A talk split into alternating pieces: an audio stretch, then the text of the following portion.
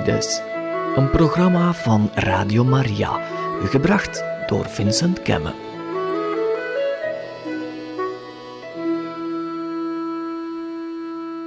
En ik mag u een hartelijk welkom heten, inderdaad, bij dit programma Biofides, dat ik mag presenteren hier elke eerste dinsdag van de maand bij Radio Maria in de studio hier in Egenhoven, Leuven. Het is mijn voorrecht om hier weer bij u te zijn in de huiskamer of aan uw computer of ergens uh, waar u dit programma beluistert. En waar we raakpunten bespreken op het raakvlak van ons biologisch bestaan, bio, en ons geloof, fides. U weet dat, als u mij vaker beluisterd hebt, de achtergrond is van het feit dat ik uh, een bioloog ben en katholiek. En dat er een heel veel scala aan onderwerpen zijn die daar uh, op het raakvlak van die twee realiteiten zich uh, bevinden. En die ons soms uitdagen om niet alleen vragen te stellen, maar ook beantwoord te krijgen over het leven. Het leven dat wij leiden, lichamelijk en in ons mm, natuurlijk milieu en de geschiedenis van het leven op aarde en hoe de wetenschap daarover spreekt en hoe wij ook met dat leven omgaan en dat allemaal gerelateerd aan dat wat we ontvangen in ons geloof en dat ontvangen we bijvoorbeeld in de liturgie of in ons gebed of dankzij de theologen of dankzij het uitspraken van het leergezag van de kerk. We kijken ook naar andere uh, confessies, andere uh, religies die zich ook uitspreken. Hè. We, ze hebben een uh, wijde blik. En dat mag zo zijn. Maar wat we zoeken is de waarheid en het goede, wat werkelijk goed is voor de mens. En dat is wat ons ook kan helpen om te spreken met mensen in onze cultuur die misschien niet ons geloof, het katholieke geloof delen, of helemaal geen geloof hebben. En die toch met ons nadenken en ons ook misschien op de proef stellen met prangende vragen over hoe wij dan omgaan met het leven in bepaalde fasen, bijvoorbeeld van ons bestaan. En hoe wij dat dan eigenlijk ook, laten we zeggen, motiveren, hoe we dat uh, zeg maar verantwoorden, uh, kunnen verantwoorden. En dat vraagt wat van ons. Biofides is een apostolaat, niet alleen een naam van een radioprogramma. Ik, uh, u hoort aan mij dat ik uit Nederland kom. Ook in Nederland bestaat het programma Biofides bij Radio Maria Nederland. En uh, dat betekent dat we zo over het hele Nederlandse taalgebied nadenken over deze thema's. Die absoluut pertinent zijn. denkt u aan alles wat er in de medische wetenschap gebeurt, of in de ziekenhuis, in de gezondheidszorg. Er zijn veel vragen die om antwoord vragen, vragen die om antwoord vragen. Dat is een, een beetje merkwaardige zin. Mijn achtergrond is het onderwijs. Ik heb jaren in Nederland lesgegeven, ook in België, in de Brusselse scholen, in, in de Europese scholen in Brussel en ook in, in Vlaanderen nog een aantal jaar. En dan stelt u zich voor een klas van 16, 17-jarigen, 18-jarigen die durven nogal eens een vraag te stellen die ertoe doet, zeker als ze weten dat je ook nog katholiek bent. Ik kan me herinneren van een vraag van een meisje die zich afvroeg hm, wat ik zou doen, maar dat heb ik misschien alles verteld hier. Uh, wat als ik mijn dochter, zeg maar, ongewenst zwanger zou zijn en wat ik dan, hoe we daar dan mee om zouden gaan. Dat zijn toch wel serieuze vragen. En dan is de grote uitdaging om daar een antwoord op te geven dat voor een persoon, een leerling, maar dat kan dus ook een luisteraar zijn. Misschien niet direct uh, tot dezelfde conclusie komt als ik, maar die toch uh, misschien naar mij wil luisteren. En dan wil kijken waarom we bijvoorbeeld tot bepaalde keuzes komen waar anderen andere keuzes maken. In de uitzending deze maand, dus elke maand op de eerste dinsdag van, van de maand en dan nog een aantal keer herhaald in het jaar, uh, gaan we het hebben over het levenseinde in hoge mate althans. Er zijn misschien nog enkele vragen die we ook van luisteraars gekregen hebben die we kunnen behandelen.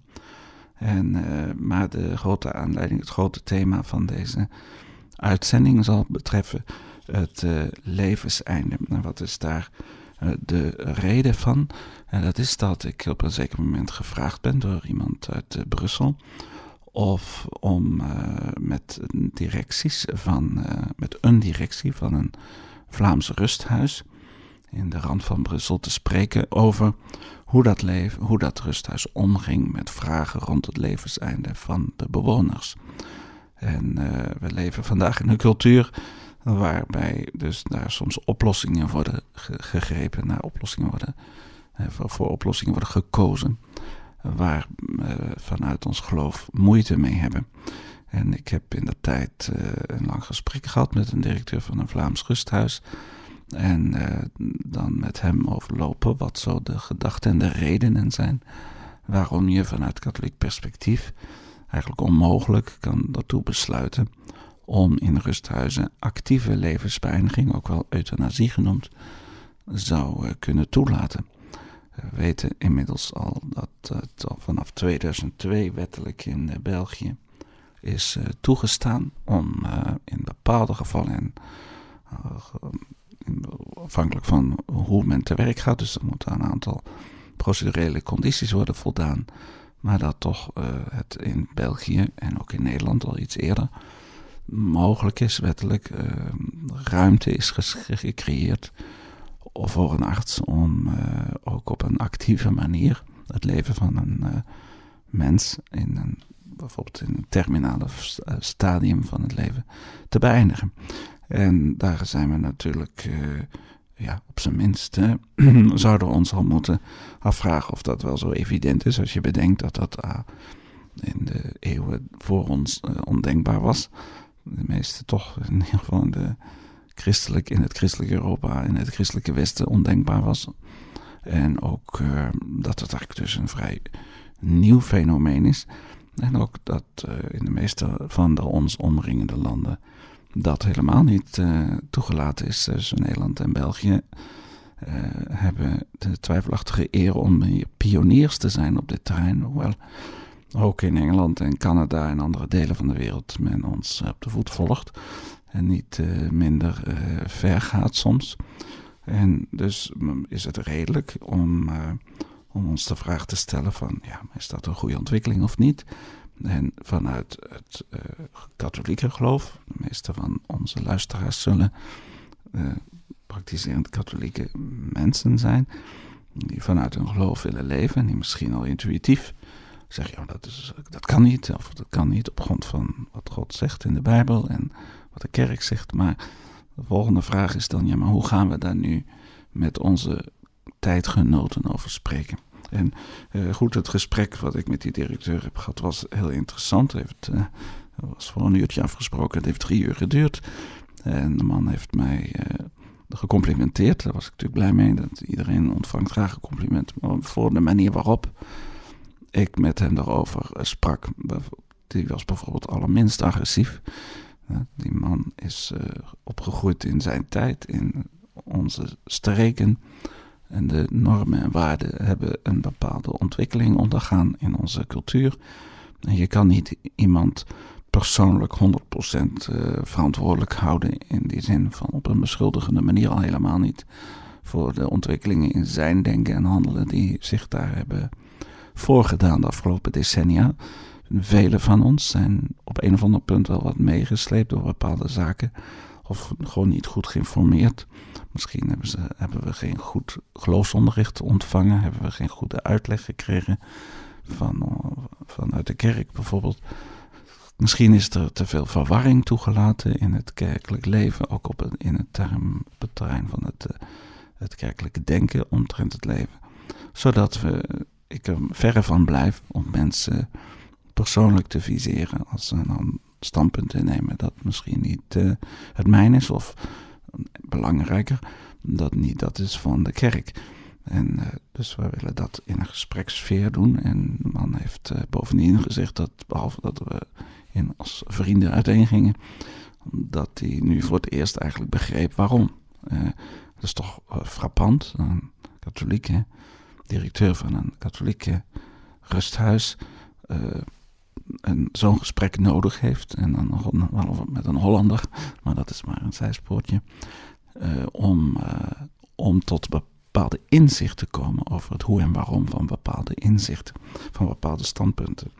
En fijn, dat gesprek heeft geleid tot een serie van lessen die we nu geven in twee rusthuizen in België, misschien straks drie. Daarvan twee zijn niet in Vlaanderen, helaas, maar in het Franse taalgebied, in Namen en in, in Brussel. Want deze Nederlander waarnaar u luistert, die beheerst het Frans ook redelijk, zodat hij ook over dit onderwerp in het Frans kan spreken. Dat is uh, niet evident, maar het lukt. En uh, dus hebben we een kort programma eigenlijk uh, ineengezet van een drietal lessen voor personeel in rusthuizen van een andere inrichtende macht, van een andere directie dus ook. Dat zijn de Petite Sœurs des Pauvres of de Zusterkes der Armen. Ze hebben een huis in uh, Namen, een huis in Brussel aan de Hoogstraat en een huis in Kiel, Antwerpen. En ik hoop ook daar nog te mogen komen. Ik ben er al wel geweest en ook een grote openheid ervaren daarbij. Niet alleen de zusters of de directie, maar ook bij de uh, verpleegkundigen. En we zullen zien of we daar ook die cursus kunnen doen. Maar in ieder geval heb ik, we hebben een programmaatje ontwikkeld om personeel van deze zorginstellingen als het ware te helpen nadenken op een juiste manier over het uh, levenseinde. En daar wil ik met u wat meer over praten in deze uitzending. Ik denk dat er heel veel uh, woorden gaan de revue passeren die, waarover nogal wat verwarring is. Ook bij mensen die in de zorg werken en daarbuiten. En uh, mensen die andere, op een andere manier betrokken zijn, zoals inderdaad directies en natuurlijk ook artsen. Ook artsen ontmoet ik soms in die uh, rusthuizen. En gaan het gesprek met me aan. En dat uh, is dankbaar werk, want dan kun je, wat Johannes Paulus II zou noemen, werkelijk werken aan een cultuur van het leven. Een cultuur waarbij het respect voor het leven on, onverminderd blijft bestaan. Maar dat betekent wel eens dat er serieuze beslissingen en standpunten moeten worden ingenomen. Maar natuurlijk altijd in, met het oog op wat het beste is voor in dit geval de oudere mensen die daar eh, in die huizen wonen. We gaan even onderbreken met een beetje muziek en dan ga ik u wat meer vertellen over de inhoud van dat uh, programma.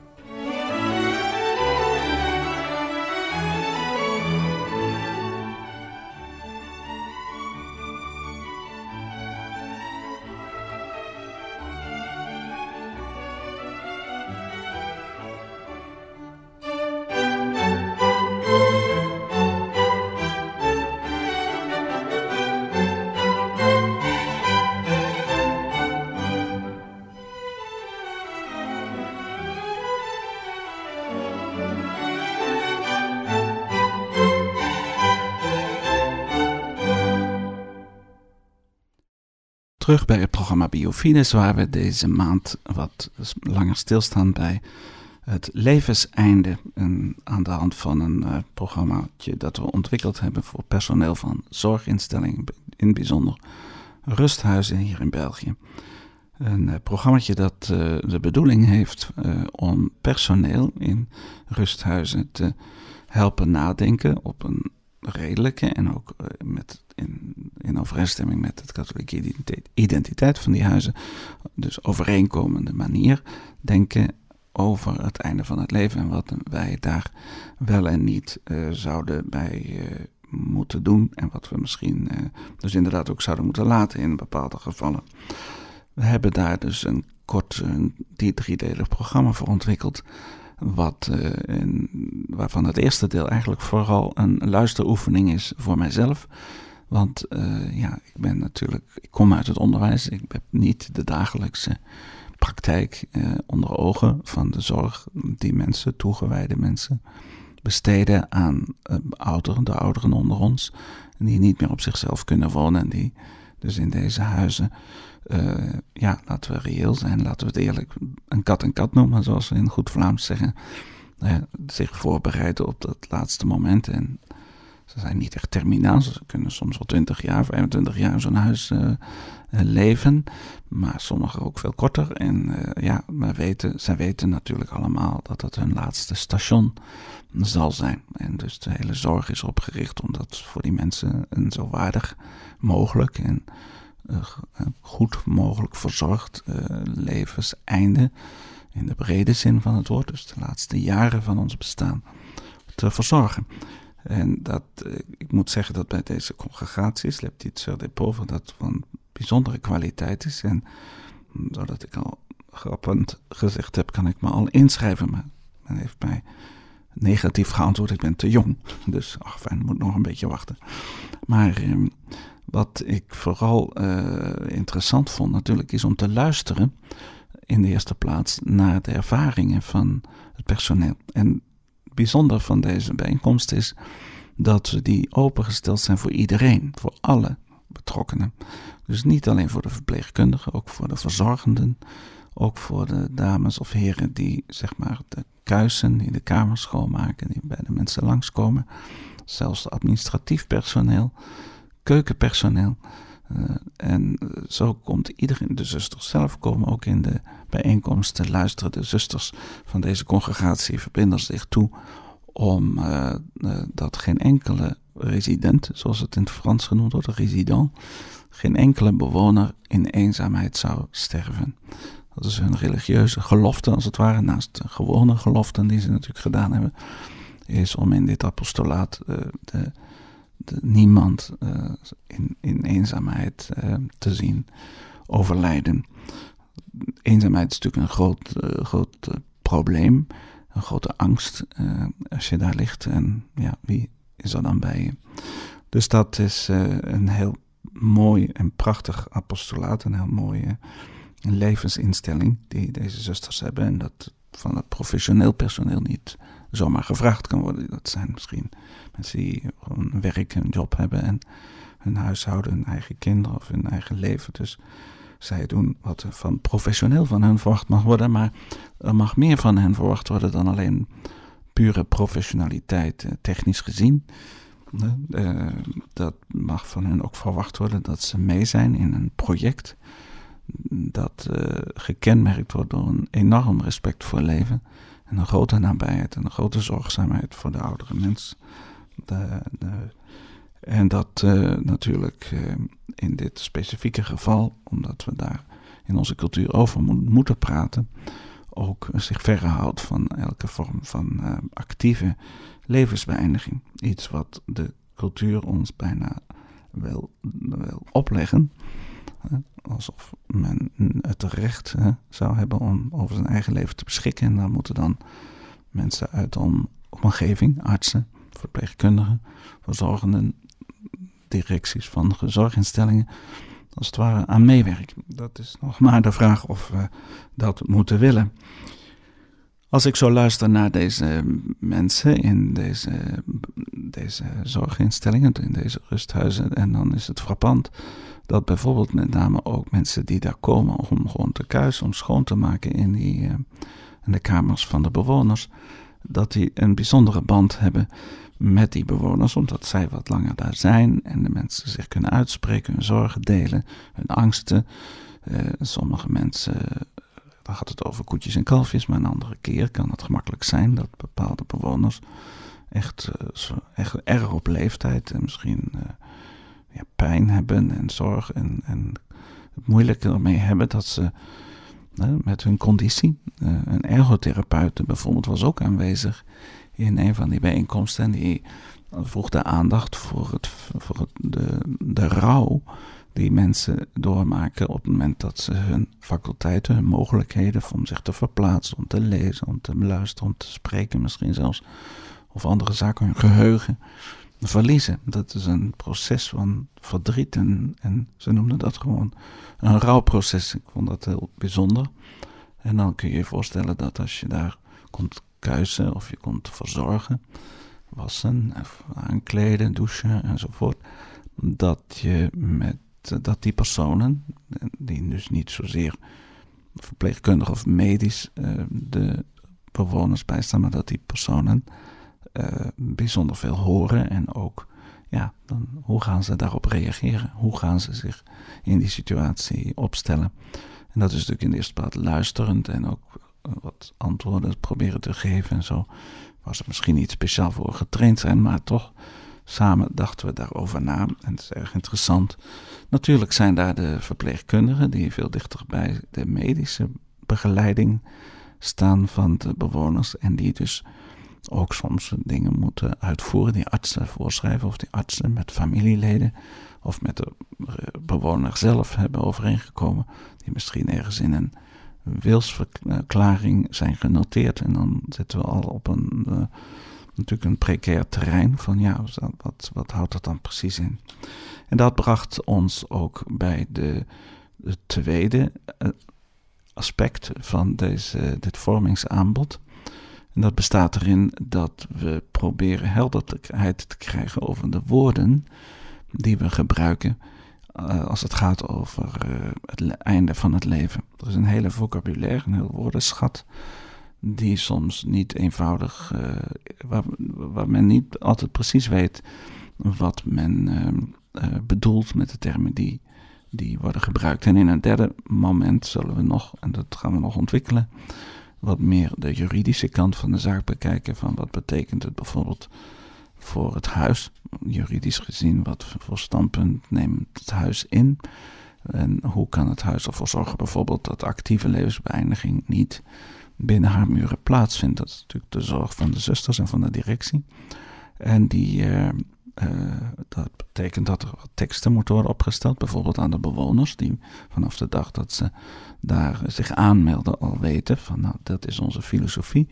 En moet je niet, uh, niet verwachten dat, u, dat wij zullen daaraan meewerken, dat men u bijvoorbeeld uh, het leven zou beëindigen. En uh, dat, dat blijkt heel onverwachts misschien, of verwacht, dat weet ik niet, maar daarop uit te draaien dat ook mensen juist speciaal voor die huizen kiezen, omdat ze weten dat ze daar in goede handen zijn. En dat ze niet in eenzaamheid zullen sterven, maar dat ze ook niet geholpen zullen worden bij het overlijden. Dat ze wel alle denkbare zorg zullen krijgen die ze nodig hebben, palliatieve zorg. Afijn. Ik ga met u naar een derde segment van deze uitzending, naar wat muziek. En dan gaan we eens kijken naar al die woorden die daar de revue passeren. En proberen ook voor onszelf daar wat helderheid in te krijgen. Wat we nou precies onder verstaan. Ik denk aan uh, palliatieve zorg, ik denk aan sedatie, ik denk aan allerlei termen die we wel horen, maar waar nogal eens wat verwarring over is. Dus ik ben bij u terug uh, na de muziek.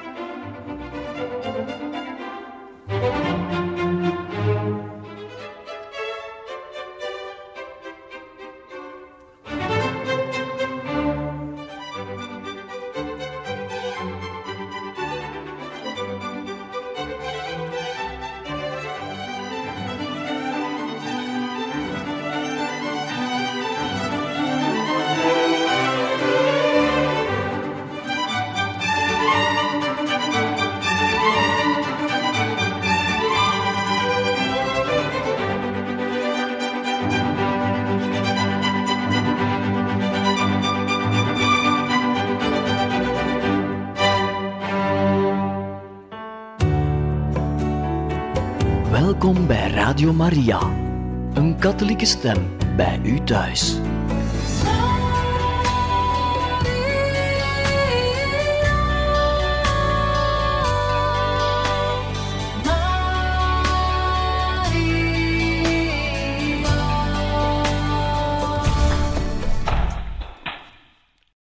En we zijn weer terug bij het programma Biofides, elke eerste dinsdag uh, van de maand.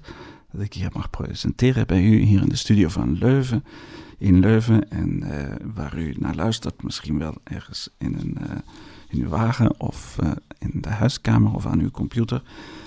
deze uitzendingen worden trouwens ook online gezet later, eventjes een tijdje na de uitzending. En die kunt u dan vinden op onze website, eh, op de website trouwens van Radio Maria zelf. Dus dan kunt u dat uh, luisteren en downloaden, heet geloof ik die rubriek. En dan heb ik het voordeel, omdat het programma met een B begint, dat ik helemaal bovenaan de lijst sta. Uh, dus dat u het programma Biofides, de laatste vijf uitzendingen geloof ik steeds terug uh, kunt beluisteren op het moment dat het u schikt. En dan kunt u ook onderbreken en eventjes boodschappen gaan doen en terug weer onder, bij het koken misschien de zaak weer laten verder draaien. Vandaag dus spreken we bijzonder over het levenseinde en een vorming die we geven aan personeel van rusthuizen in België. En met name gaan we het nu even inzoomen op een aantal woorden die daar vallen en die we eh, belangrijk vinden om wat te verhelderen. Onze ervaring is dat er veel misverstand is als we spreken over euthanasie en sedatie en palliatieve zorg en al die zaken meer.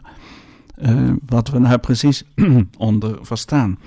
Uh, ik onderscheid in die zaken drie, en niet alleen ik, maar de medische wetenschap net zo goed en ook, uh, ook de kerk als u het weten wil, daar kom ik zo op terug. Uh, drie uh, te, werkelijk te onderscheiden zaken. Het eerste is natuurlijk dat de dood een, bij het leven hoort en, in die zin kan worden opgevat als een, zeg maar, een natuurlijke zaak. En ook het stervensproces, dus een zaak van de natuur is. Niemand van ons zal hier over honderd jaar nog zijn. En dan weten we dat we allemaal langs die periode zullen gaan die we misschien met angst en beven tegemoet zien, misschien met vertrouwen. En dat we een dag, ja, dat moment er ook voor ons zal zijn gekomen. Laten we daar realistisch zijn. Het is overigens misschien wel, het is een, aan de ene kant de grootste zekerheid die u hebt als u geboren wordt, maar het is ook tegelijkertijd het misschien wel het meest verzwegen onderwerp op uh, en in de media, in de politiek en noem maar op. Um, de, dus dat betekent dat we spreken over wat ik zou noemen natuurlijk, uh, natuurlijk proces. En dat we begeleiden. En dat uh, doen we door middel van wat we noemen palliatieve zorg. Dus de zorg besteden aan de persoon die die persoon nodig heeft. Uh, in de, situatie waarin hij of zij is. palliatief, dat onderscheidt zich van curatief. Palliatief heeft het idee, is het idee van het verzorgen, het uh, tijdelijk of voor langere tijd uh, voorzien in iets wat het lichaam nood aan heeft. Bijvoorbeeld, aan, als er een gebrek aan welbevinden is door pijn, dan ga je dat palliëren, hè? ga je dat verzorgen, ga je dat hm, probleem oplossen door pijnstillers en door. Uh, dus dat is een, een zorg voor een levende persoon, maar die dingen mankeert. Die, die mm, eh, bijvoorbeeld door angst aan vrede mankeert of allerlei zaken. Dus dat kan zowel lichamelijk zijn als psychisch en heel vaak een combinatie van de twee.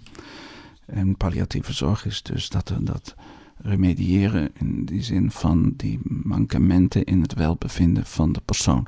Het gaat dus niet hier over genezing, dat is curatief.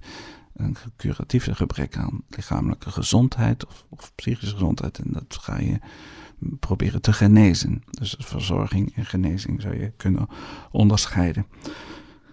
Uh, de tweede notie, dus de, hier gaat het om een dienst aan, aan het leven van een persoon. En de persoon blijft onaangetast, maar het leven wordt gediend van die persoon. Zodat die persoon zo goed mogelijk kan leven.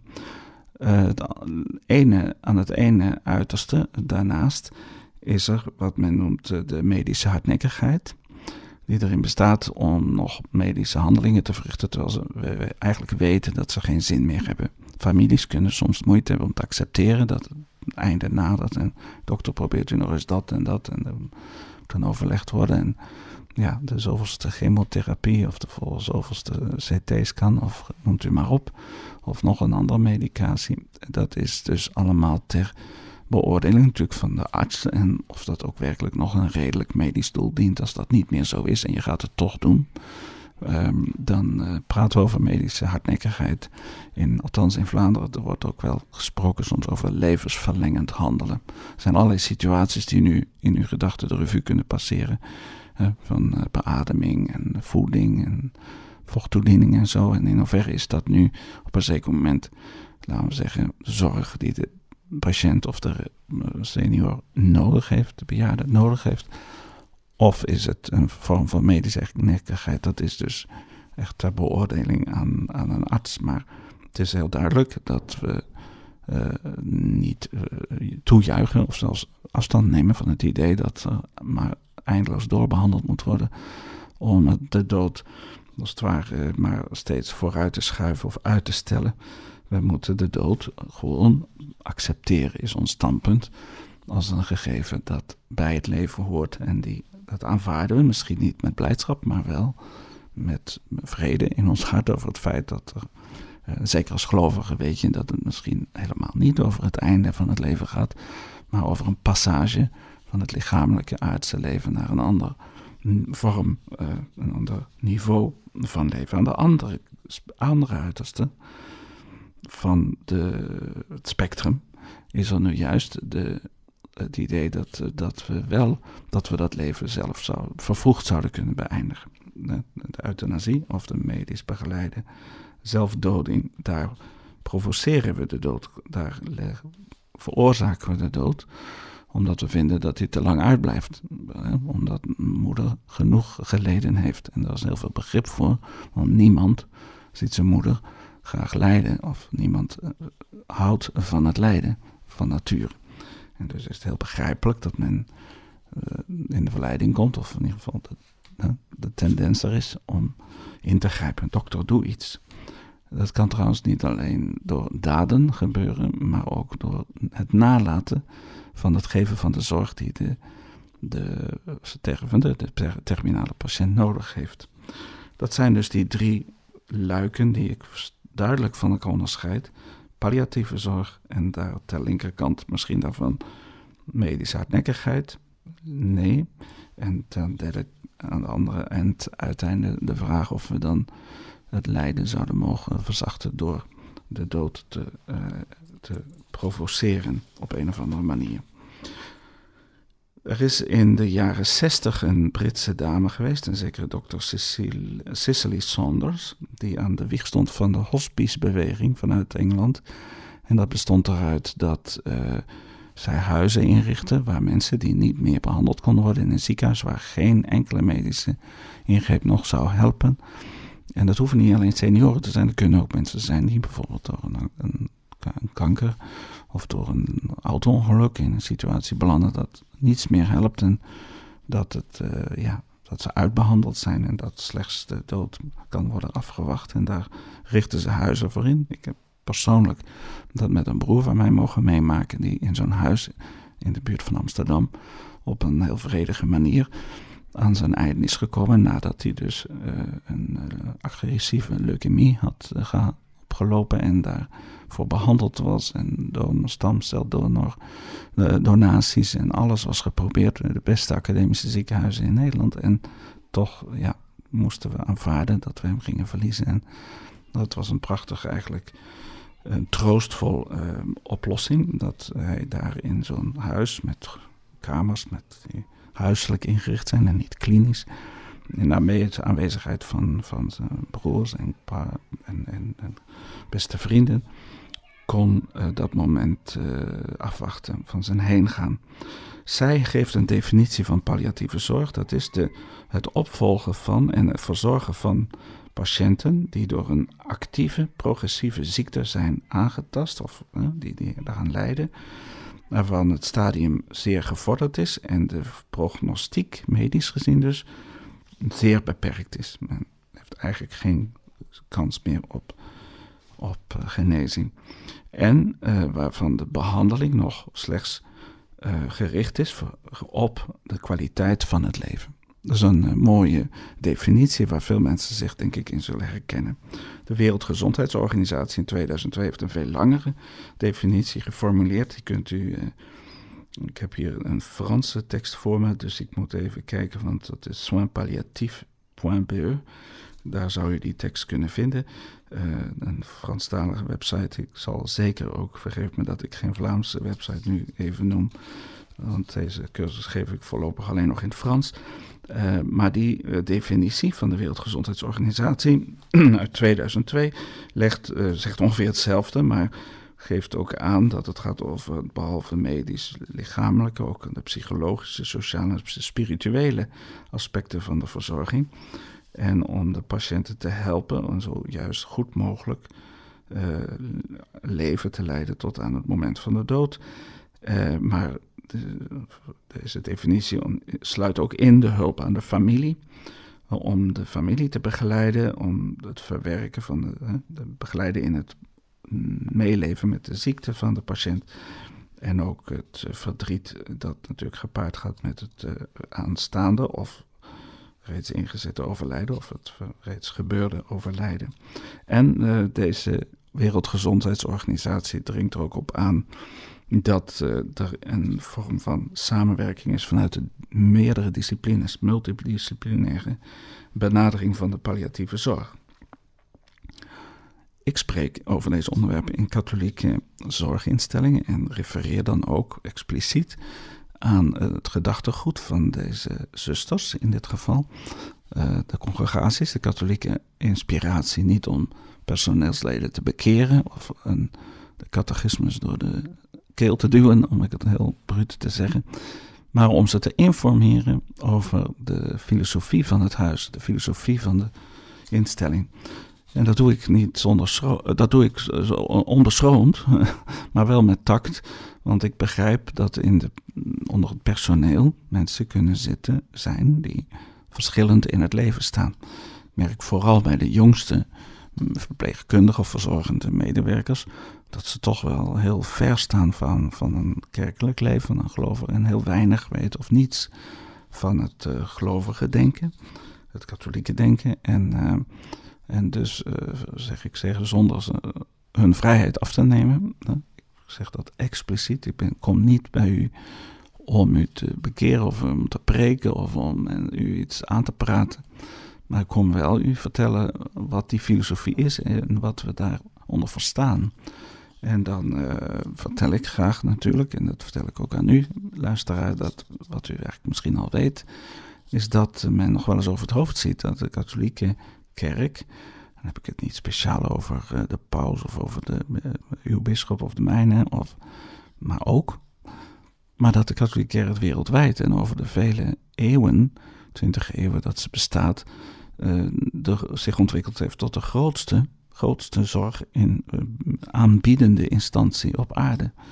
De meeste ziekenhuizen op aarde zijn katholiek of in ieder geval door de katholieke geloof geïnspireerd. En uh, dat geldt trouwens niet alleen voor de zorg, dat geldt ook voor het onderwijs. En dat geldt zelfs, en dat hebben we in deze uitzendingen van Biofides al eens vaker, veel vaker behandeld, dat geldt zelfs voor de wetenschap. Maar daar ga ik het vandaag niet over hebben, niet te veel maar vooral over de zorg. En dat betekent dus dat het logisch is, nog of je nu katholiek bent of niet, gelovig bent of niet, dat die katholieke kerk, waar natuurlijk heel veel over te zeggen is, en zeker in tijden dat er schandalen zijn, en dat gaat allemaal niet 100% goed, om het zachtjes uit te drukken onder ons, dat weten we, en dat moeten we ook onderkennen en ons schaamtevol voor verontschuldigen voor zover we dat, uh, dat zelfs eventueel zelfs aan ons zou kunnen liggen, wat we ook misdoen. Maar dat die kerk wel degelijk heel veel nagedacht heeft over gezondheidszorg. Bijvoorbeeld in het Vaticaan is een speciale afdeling daarvoor. Die tot nog toe, tot voor kort heette die de Pauselijke Raad voor de Werkers in de Gezondheidszorg. die nog onlangs een, hand, een manifest of een, een handboek eigenlijk gegeven heeft over het katholieke denken over gezondheidszorg. Het is nog niet eh, vertaald, er wordt in Nederland aan gewerkt aan de vertaling. Het is alleen nog in het Italiaans en het Engels beschikbaar. Maar daar is veel over nagedacht, veel over nagedacht, vanzelfsprekend. En daar blijkt uit dat je dus ook kunt spreken van een bepaalde filosofie waarlangs we naar de mens kijken. De zieke mens of de bejaarde mens, of de terminale patiënt. Dat leven van elke persoon, of het nu een kind is of een terminale patiënt op hoge leeftijd, wordt bezien als iets heiligs. Dat is niet niks. Ik begrijp dat heel veel mensen vandaag die ver van het geloof of de kerk staan, daar niet zoveel mee kunnen. Maar als we toch even gewoon nadenken over dat woord, dan zeg je ja, wat, iets wat heilig is, dat is, dat is, dat is de max. Hè? Dat is, je wil, dat, daar hecht je zoveel waarde aan. Daar kom je niet aan. Dat is, uh, dat is, uh, ja, dat is heilig. Voor hem, voor, som, voor de ene mens is dit heilig, voor de andere mens is dat heilig. En als katholieken, uiteindelijk is alleen God heilig. En diegenen die bij hem zijn, de heiligen, zoals we dat noemen. Maar, maar uh, ja, dat betekent dus ook dat de manier waarop wij naar de mens kijken is vanuit dat perspectief. En dat vragen we mensen in de zorginstellingen te respecteren. Dat het leven voor ons heilig is. En niet alleen heilig, maar ook gegeven, een gave. Het komt niet zomaar uit de lucht vallen. Het is niet door blind toeval enkel en alleen ontstaan. De evolutie hebben we hier vaak behandeld in dit programma. Uh, maar het is iets wat ons gegeven is. Wij ontvangen het leven bij onze conceptie en geboorte. En we ontdekken langzamerhand als we kind en zijn en tiener opgroeien. Nou hé, hey, dat we bestaan en dat we ik kunnen zeggen en dat we... Er komt ook een dag dat u voor het eerst als kind uh, doorhebt dat u ook een keer gaat sterven. Dat uh, is een besef dat natuurlijk niet even uh, aan het begin al helemaal ontwikkeld is. En wat ook natuurlijk gemakkelijk een beetje weggedrukt wordt door velen van ons. Maar uh, dat leven is gegeven. De vraag is dat als je een cadeau krijgt, een heilig cadeau, iets wat heiligheid, wat, wat onschatbare waarde heeft, goddelijke waarde, goddelijke karaktertrekken, naar zijn beeld en gelijkenis gemaakt, zegt de Heilige Schrift, dan ga je natuurlijk met enige reserve en met een bepaald respect en een bepaald heilig ontzag met dat leven om. En dan is al, wordt het begrijpelijker dat we zeggen van ja, maar als je dat ontvangen hebt, dan ga je dat niet zelf over beschikken. Uh, zo van nou, doe maar mee, maar raak dan. Ga je, als je over dat leven beschikt, in een zekere mate doen we dat. We, organiseren ons leven, we zorgen wat, uh, over onze gezondheid en organisatie van ons hele bestaan. Ga je, als het goed is, in dat perspectief refereren aan de gever.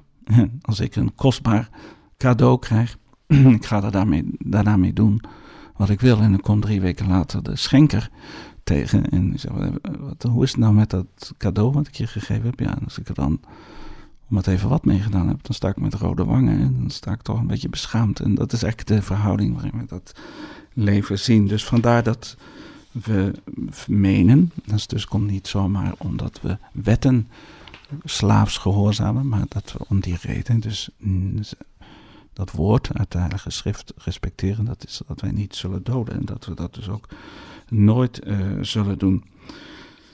Uh, dat, we dat, uh, dat het een universele wet is, dat we daar ook geen omstandigheden zijn. Er zijn misschien mensen die denken dan, ja, maar uit zelfverdediging dan. En dan zegt de kerk, ja, dat is begrijpelijk dat als je je moet verdedigen tegen een moordenaar die op je pad komt en die misschien jezelf of je vrouw of je man wil aanvallen. Je bent in de gelegenheid om je te verdedigen. Je hebt zelfs een wapen of wat dan ook, waardoor je dat kan doen. Dan heb je, is jouw gewenste, jouw intentie is niet om te doden, maar om dat leven van de persoon over die aangevallen wordt te beschermen, te verdedigen. Dus dat is pro-life, om het zo te zeggen. Dat kan als ongewenst bijeffect hebben, dus wat niet gewild is, dat was niet de intentie, de dood van die persoon tot gevolg hebben. En dan zegt de kerk, spreekt over het principe van het dubbele effect, het tweede effect. Dus het eerste is wat je nastreeft en wat je de middelen voor aanwendt die daarvoor beschikbaar zijn en die je uh, kunt benutten. die redelijk moeten zijn, die professioneel moeten zijn liefst. Maar goed, je kan niet altijd precies, uh, krijg je de tijd om te kiezen. En dan vervolgens uh, is er het tweede effect, eventueel, van de dood van de aanvaller. En dan weten we allemaal dat we dat niet gewild hebben, maar dat dat een, uh, tweede gevolg is van wat er gebeurd is. En dat we dat dus nog steeds kunnen blijven zeggen, ook al is ons dat misschien overkomen, of al huldigen we dat principe, dat we in beginsel, hè, dat het niet onze, op onze weg ligt om menselijk leven te doden. Een menselijk leven dat zich ook wezenlijk in onze optiek dus onderscheidt van elk ander leven. Het dierlijk leven, plantaardig leven. Er is heel veel gemeenschappelijk, maar er is ook een wezenlijk onderscheid. Ik heb nog, hè, je ziet waartoe de mens in staat is.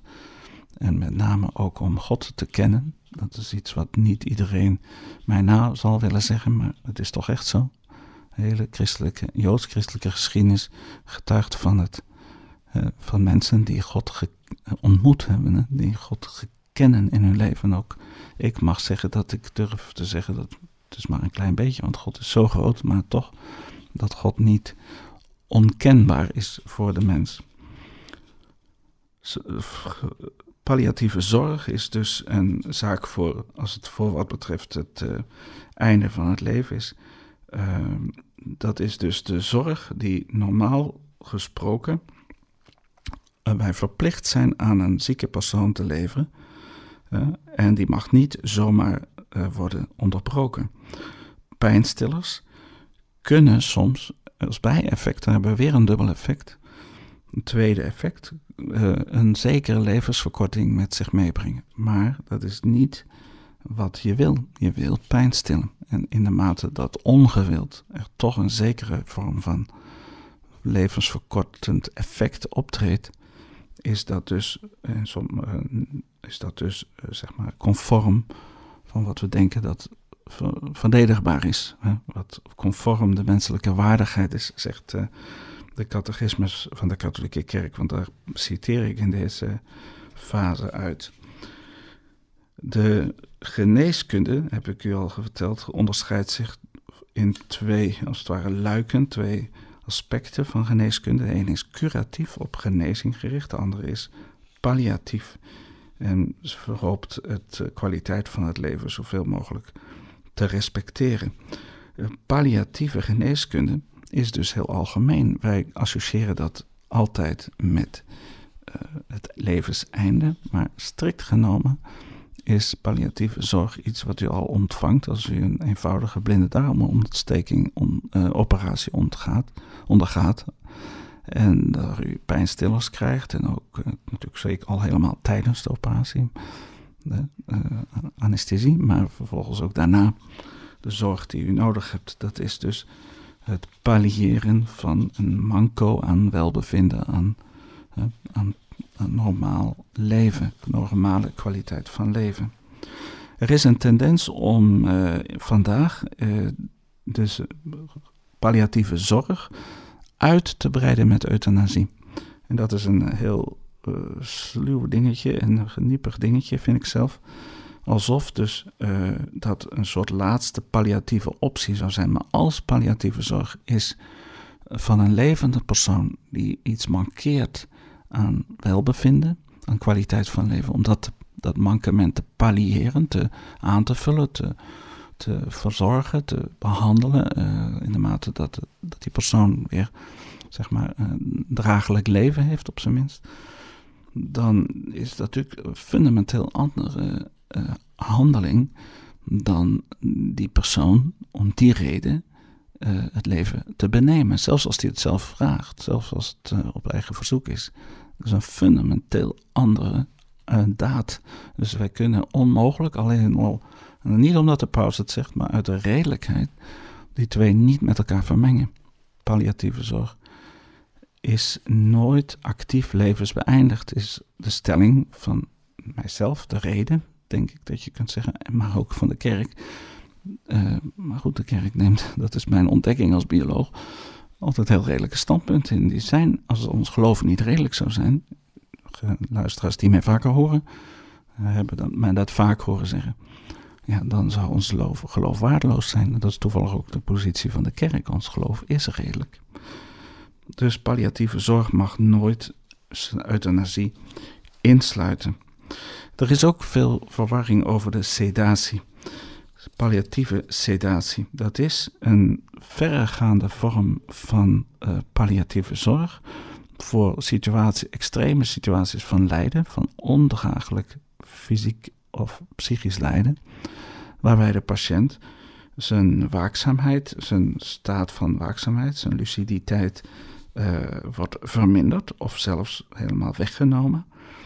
Uh, die ook de vermogen om uh, lijden, psychisch of fysiek lijden, te voelen wordt verminderd of zelfs helemaal weggenomen. In de mate dat dat lijden wordt gezien als ondraaglijk. Uh, dat die sedatie kan min of meer diep zijn, diepe, wordt eigenlijk in een diepe slaap gebracht. En die kan gaan tot een volledig verlies van het bewustzijn. Maar sedatie is per definitie, medisch gezien, reversibel. Dus indien de situatie van de patiënt zo zou zijn dat, en ik praat over terminale patiënten of, of over uh, oudere mensen, maar ook over jongeren die misschien een auto-ongeluk gehad hebben of wat ook. Die, uh, die, die sedatie is in beginsel altijd reversibel. En die kan ook onderbroken worden. Bijvoorbeeld, we kunnen zeggen in het leven van een oudere die lijdt, dat je uh, bepaalde periodes hebt, dat je meer comfort eh, dat er meer comfort is en dat, dat er periodes kunnen zijn van weer wat ontwaken. Waardoor die, bijvoorbeeld die persoon nog in staat is om met zijn omgeving te, interacties te hebben.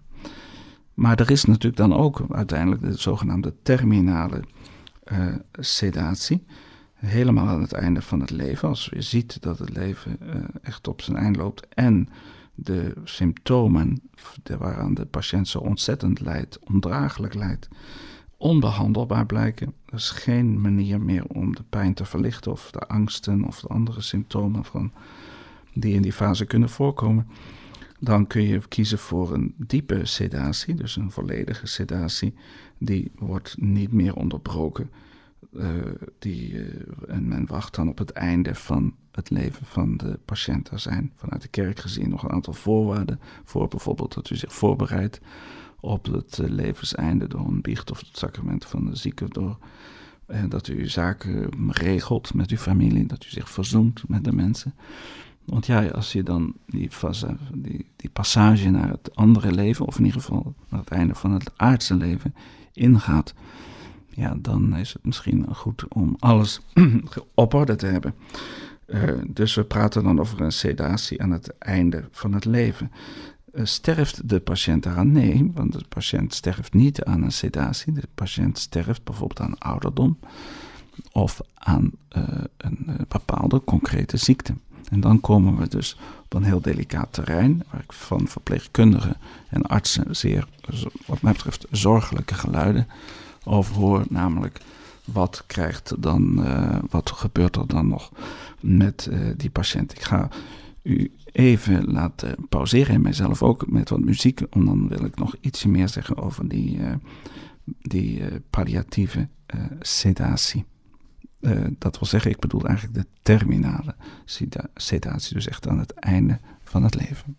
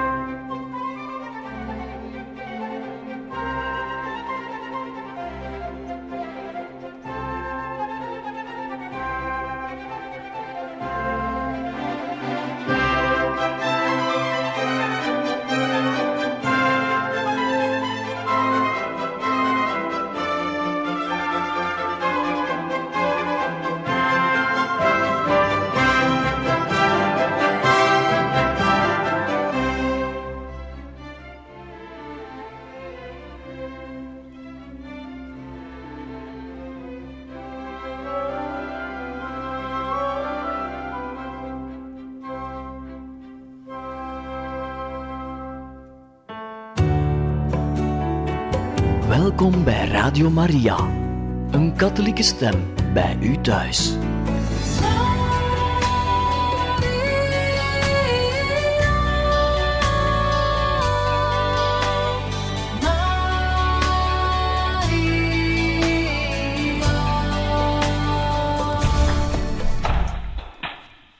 En zo zijn we terug bij het programma Biofides, dat deze maand in het teken staat van de levenseinde problematiek. Uh, aan de hand van een vormingsprogramma dat we verzorgen in een aantal uh, katholieke rusthuizen in België.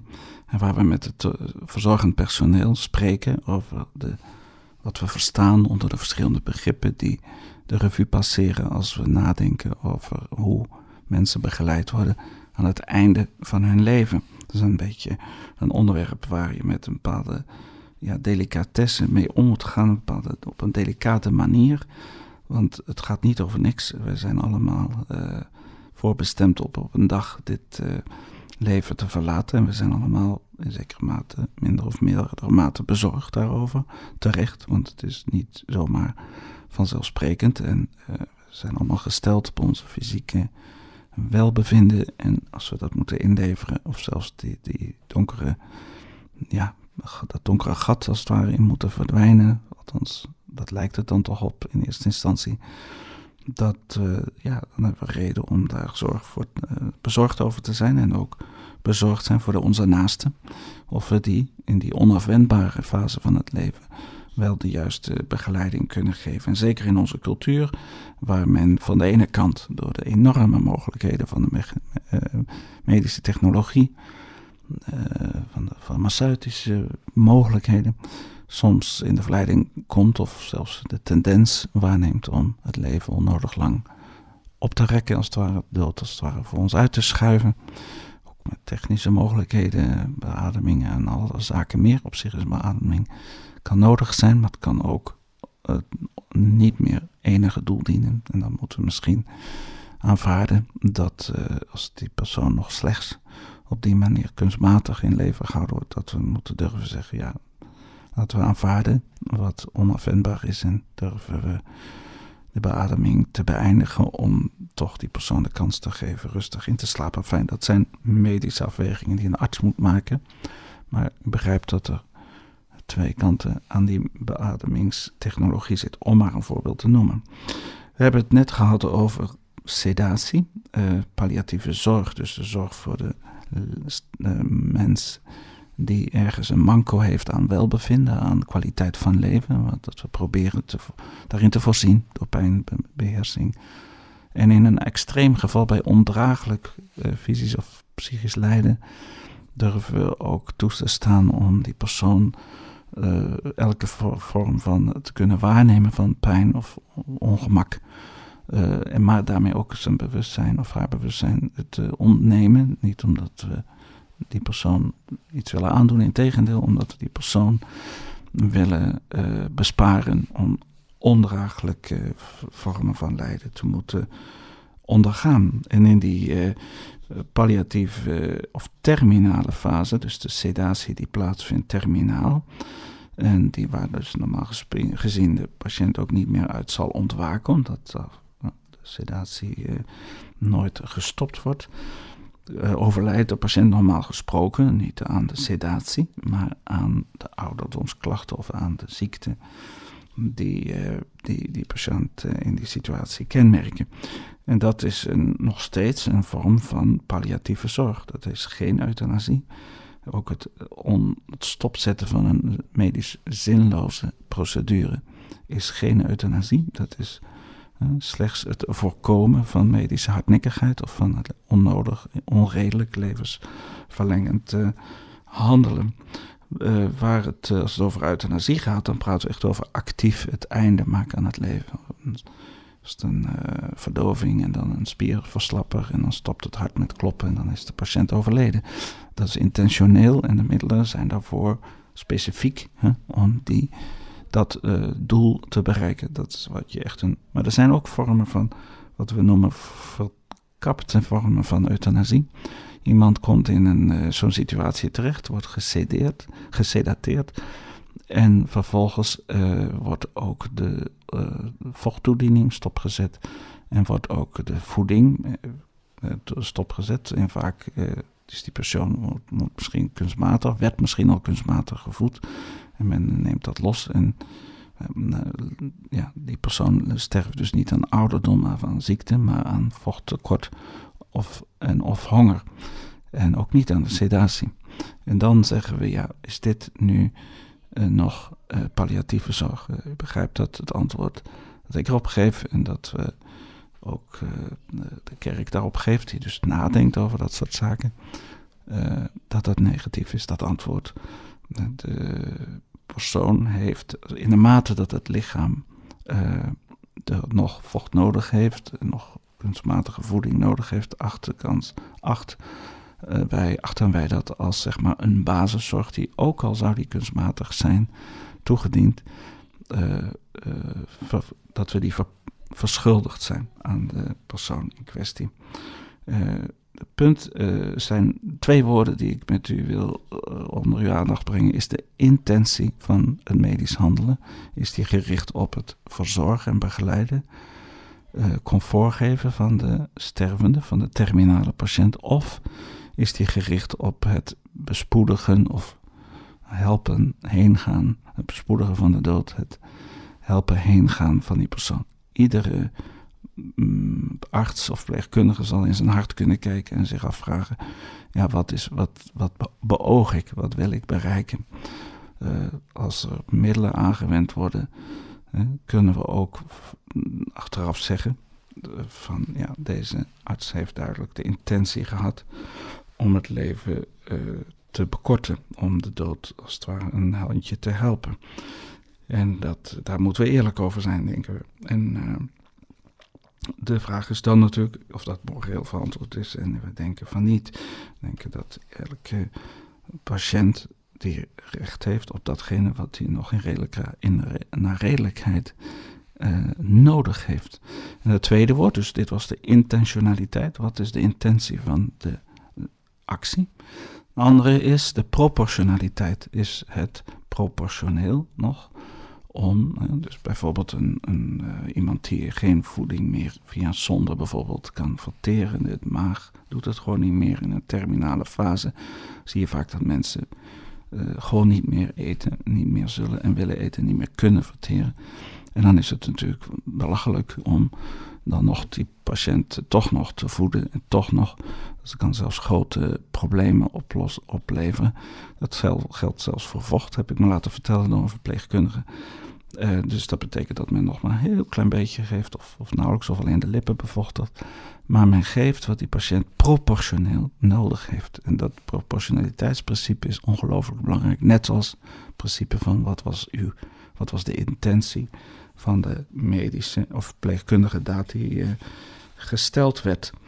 Het is dus ook niet zo, volgens dit denken, dat omdat het, omdat het kunstmatige voeding is bijvoorbeeld, dat het daarom weggenomen zou worden. Want kunstmatige voeding, we bedienen ons voortdurend in het leven van kunstmatige hulpmiddelen om ons comfort te verbeteren. Het kunstmatige aspect van een bepaalde uh, medische of pleegkundige handeling is geen criterium. De vraag is, wat heeft de patiënt, uh, het lichaam van de patiënt of zijn psyche, wat heeft die persoon nodig? En wat is mijn intentie? En, wat, uh, en slaag ik erin om proportioneel te handelen. Dat zijn zo de belangrijke, belangrijke onderscheidingen die te maken zijn. medische hardnekkigheid of levensbeëindigen, levensverlengend behandelen gaat dus over middelen die niet proportioneel zijn. Niet beantwoorden aan wat in redelijkheid nodig geacht kan worden voor de patiënt. En uh, die hebben dus het. Uh, niet geen enkel, die zullen niet meer het medisch resultaat opleveren dat men ervan hoopt. Wat heel moeilijk ook is in het kader van terminale sedatie, is dat die sedatie op een gegeven moment zelfs de symptomen kan maskeren die worden veroorzaakt door bijvoorbeeld het ten onrechte wegnemen van vochttoediening en van voeding. De patiënt zal niet meer kunnen uiten dat hij dorst heeft, dat hij honger, dat er, hè, dat er nog het lichaam nog dit of dat nodig heeft. Want die persoon is gesedateerd. Maar dat betekent niet dat dat ethisch is. Want dat betekent dat die persoon niet uh, sterft aan ouderdom of een ziekte, maar aan een omissie, dus een nalatigheid van de kant van de uh, verzorging. Dus dat is een, een zorgelijke, zorgelijke zaak.